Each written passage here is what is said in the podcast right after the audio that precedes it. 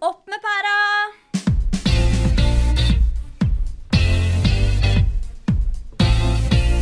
Velkommen til Opp med pæra. Den podkasten som diskuterer læring og undervisning i digitale omgivelser.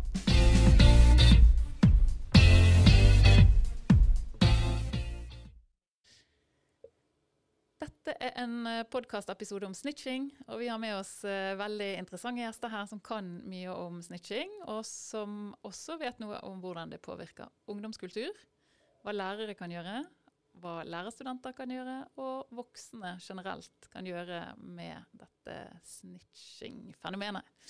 Rakel, du er lærerutdanner og forsker på dette sammen med skoler i regionen. Du Lilian, er med i det forskningsprosjektet, og du er både lærer og sosialrådgiver. Kan ikke dere si litt om hva er snitching? Når man melder fram urett, så kan du bli sett på som en snitch. Så det å si fra om noe som har skjedd, ting du har observert, eh, ord som eh, også blir brukt i den sammenhengen, er gjerne tyster. Sladreanke er jo den litt mildere versjonen, da.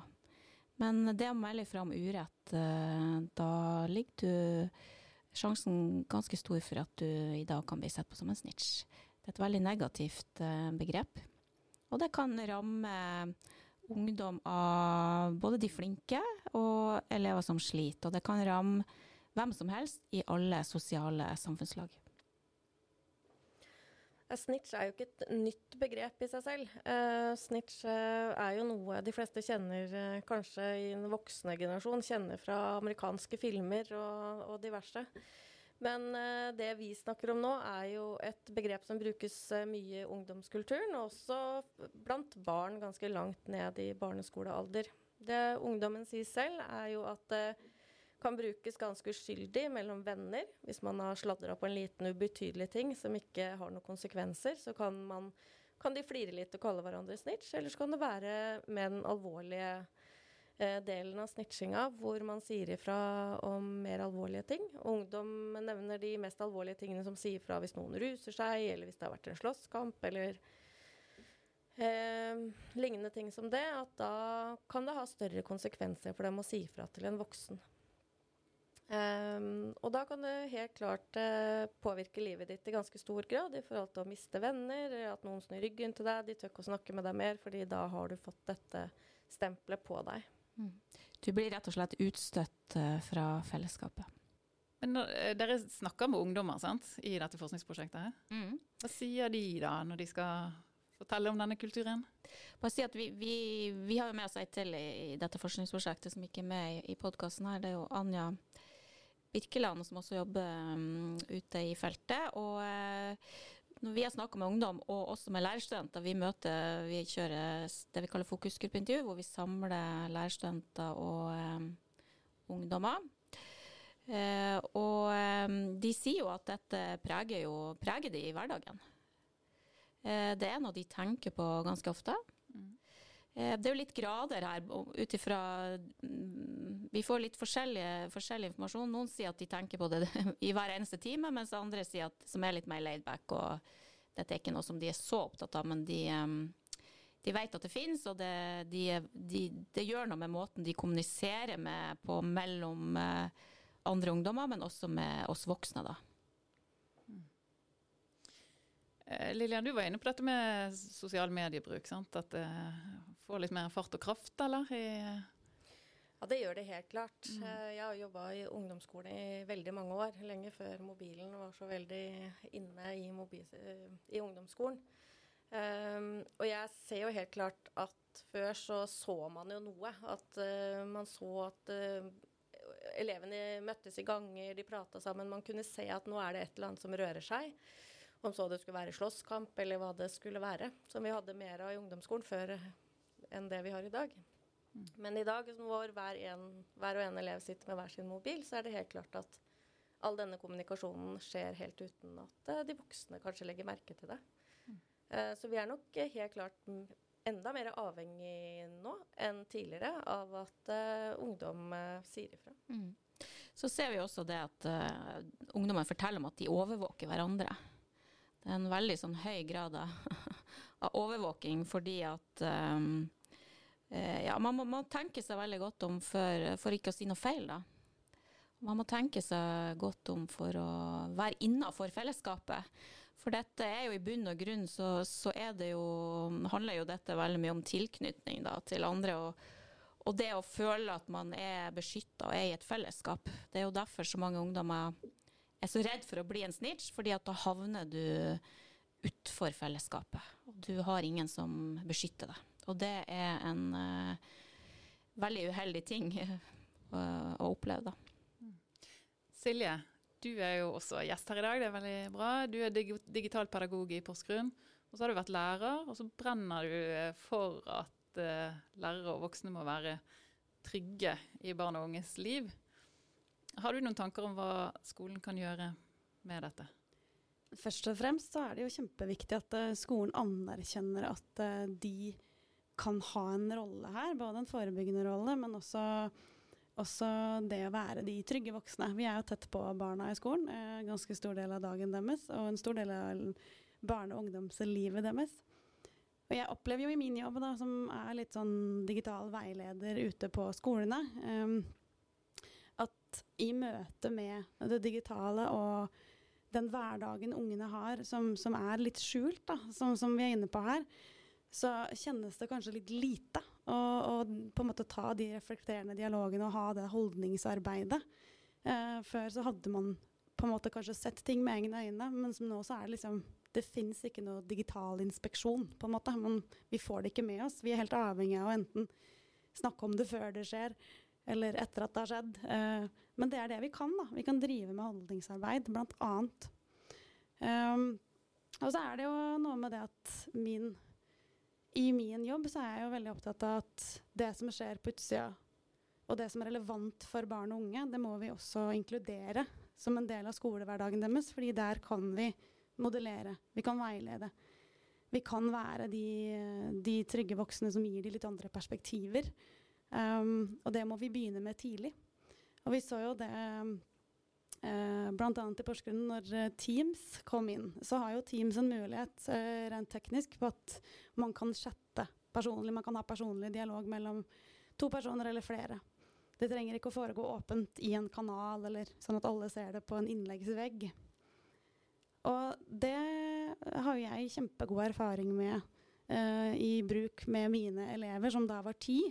Eh, for å jobbe med nettopp det å, å bruke eksempler. Altså det var veldig konkrete rammer da, for å drive med holdningsarbeid. Eh, snakke om hvordan eh, Hvorfor valgte du de orda? Hvordan tror du det skjedde når den andre personen Eller hvordan tror du det ble mottatt? Um, og hvis vi begynner liksom, med det som verktøy, da, å ha liksom, sosiale medier som en del av den faglige og sosiale læringen fra de er kanskje møter skolen da, først, i sjette, når de er seks år, i første klasse, så har vi kanskje etter hvert et annet grunnlag når de blir større òg. Og da har det alltid vært en del av skolen. De har alltid fått oppleve å forholde seg til å være sosial digitalt, sammen også med voksne som er trygge og, og som de har en god relasjon til og kan stole på. Ja. Møter du eh, lærere som er, som er, skeptiske til det, som har liksom så vanskelige erfaringer i sånne chattefora at det oppleves ja, konfliktfylt, vanskelig? I aller høyeste grad. Mm. Um, ja. For det var jo I Porsgrunn spesielt så stengte vi jo av chatten etter at den hadde blitt aktivert som en del av Teams-programmet. Uh, fordi vi hadde eksempler hvor elever ikke var uh, greie med hverandre. Um, uh, og det er litt som Lillian sier, at det Altså det forekommer jo, men vi må på en måte ha Vi må stå rusta til til å ta tak i det, på en måte. Uh, og være, være, til stede. Men selvfølgelig, det er kjempevanskelig, fordi at uh, mange føler da at skolen har gitt dem en arena også, hvor de kan være, være slemme med hverandre. Mens, mens, jeg har jo en litt annen innfallsvinkel, for jeg tenker jo at vi har også da en arena hvor vi kan påvirke. Rakel og Lillian, hva sier ungdommene selv da at de ønsker at skole og lærere kan gjøre? eh, gjøre i forhold til, tenker du på? Nei, i forhold til å forebygge eller uh, håndtere sånne type situasjoner. Sier de sånn uh, altså det, er jo, det, er jo, noen lærere da som, som, blir redd for dette, sant? og kanskje kutter ut, i dette tilfellet Teams, sant? Eh, ønsker at det Mm. skal kuttes ut fordi at det foregår ikke hensiktsmessige ting der. Eh, Det er jo en måte liksom, å prøve å Mm. Nei, det, det ungdommene eh, forteller oss her, at det er klart at er du, er du utsatt, har du blitt stempla som en snitch, så risikerer du jo å motta ubehagelige meldinger, hatmeldinger eh, og trusler av ganske grov karakter.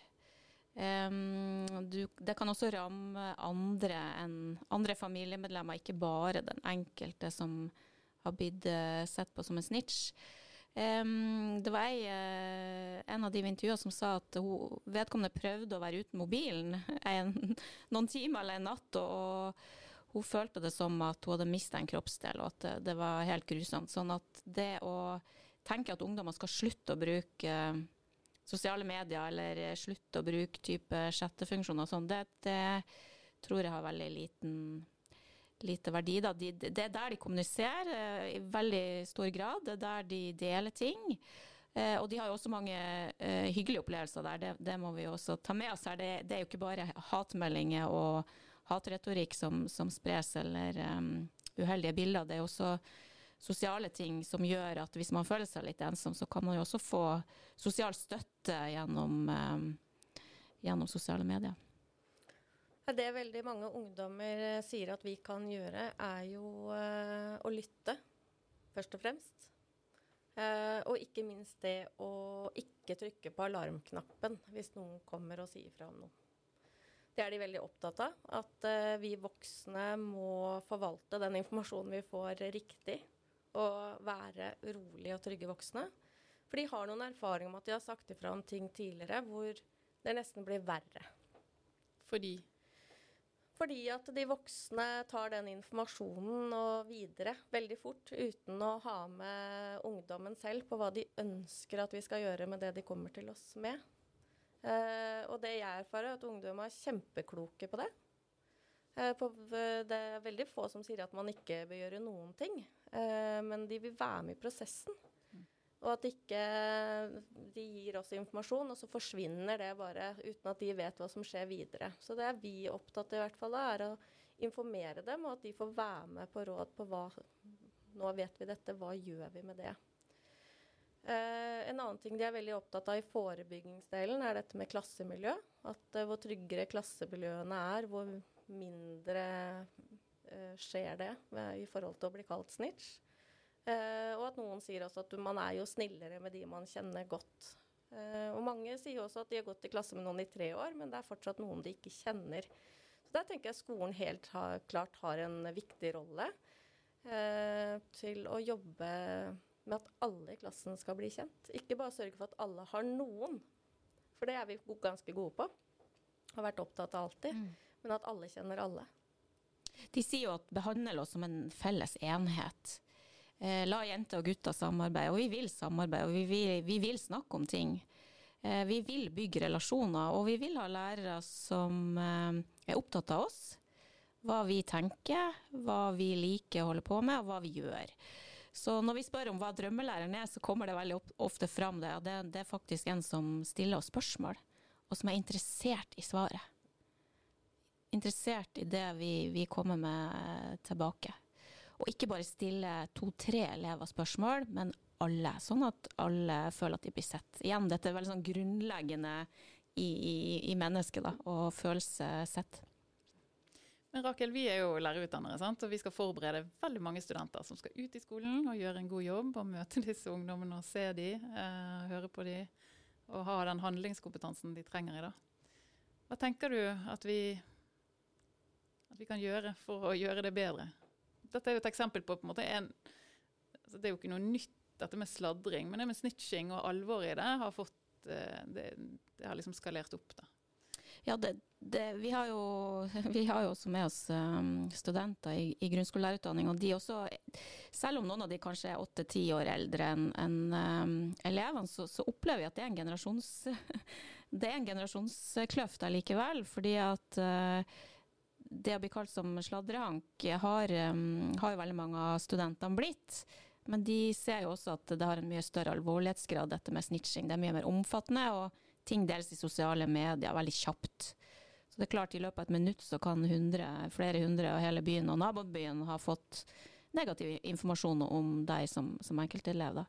Jeg tenker jo at vi må eh, vi må fortsette å, å, løfte begrep som ungdommen er opptatt av, og forske på ungdomskultur. Eh, sånn som vi gjør nå, er jo, er jo, litt av poenget at vi vil løfte dette inn i undervisninga med elever som skal bli lærere, og ruste fremtidige lærere på hva de kan møte. Kanskje om fem år så er det et annet begrep. Kanskje er dette begrepet ikke så hot som det er nå. Men allikevel så er det en del mekanismer der som er veldig like, eh, og som har vært fra når vi gikk på skolen, eh, vi som sitter rundt her bordet nå, har jo gått på skole på litt ulik alder, men vi har alle kjent på den følelsen av å bli verdsatt og sett. Og det med å bygge relasjoner er noe som aldri uh, går av moten.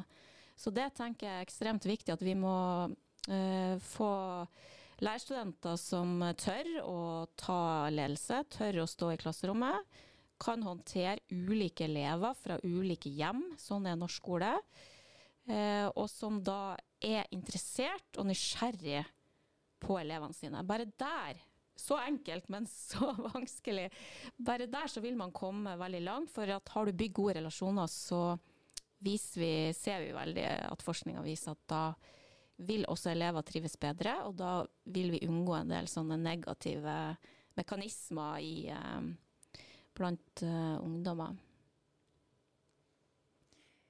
Altså, eh, Mitt håp med denne episoden er at vi blir klarer å motivere både lærere og lærerstudenter og, og voksne, og ungdom egentlig, til å, til å, ta i dette som er vanskelig. Mm. Eh, og gå sammen og, og, motvirke en kultur hvor i hvert fall barn og unge truer hverandre til taushet. Um, har dere noe siste på hjertet før vi avslutter? Ja, altså eh, ungdommene vi har snakka med og intervjua, de også sier jo dette, at de, de, vil at eh, begrep som snitching skal løftes inn i klassen. Og de har opplevd at det har blitt gjort i veldig liten grad. Det er vel ingen av de vi har snakka med så langt som sier at læreren har snakka noe særlig om det. Og de vil snakke om um, ting som handler om livsmestring. Det er jo et tema som er kommet også veldig mye inn i skolen. Fordi at så, som noen av disse ungdommene så klokt sa det, vi skal jo ut i et liv etterpå. Eh, og da må jo skolen og lærerne snakke med oss om livet. Silje? Ja, jeg tenker jo at i hvert fall eh, mitt håp for eh, lærerstudenter som skal ut i yrket, og generelt lærere også, er jo at de klarer også å løfte frem eh, det positive, som f.eks. en sosial eh, digital plattform kan ha, eller den effekten den kan ha i en klasse. Vi har jo masse eksempler på elever som bruker Teams eh, for å bygge relasjoner utenfor skoletid. Eh, hvor når vi skulle samle inn padder en sommer og resette de, så kom det fortvilte foreldre hvor de mista kontakten med hverandre. Så det å sette fokus på den gleden det gir også, og løfte, inn, løfte det egentlig litt fram som tema, ikke bare tenke at det er noe annet som er viktig i skolen. Dette er en veldig relevant del av livet til ungdommen som vi må på en måte tørre å ta i og, og, og være bevisste på. Da. Og være voksne inni. Lillian? Jeg er veldig enig med alt som uh, blir sagt her i, rundt det. Jeg tror at det viktigste vi kan gjøre, er å ikke være redd for å snakke om disse temaene med ungdom. Være nysgjerrig, stille de spørsmål. Som Rakel nevner, ungdomskultur den er i endring hele tiden. Det vil alltid dukke opp nye ting. Og så er det innimellom så er vi voksne litt uh, redde for å snakke om det, for vi tror at vi skaper mer problemer ved å løfte det. Og så vet vi at det er stikk motsatt. Det blir ikke noe mer uh, snitching eller noe mer uh, negative hendelser i sosiale medier hvor mer vi snakker om det. Tvert imot. Um, og det er ungdommen som sitter med kunnskapen. De ligger langt foran oss. Uh, vi ligger på sjø vi henger litt etter hele tiden. Og stille de spørsmål, for de er veldig interessert i å fortelle hvis vi bare spør og graver og er interessert. Tusen takk, dere. Dette var fint og lærerikt.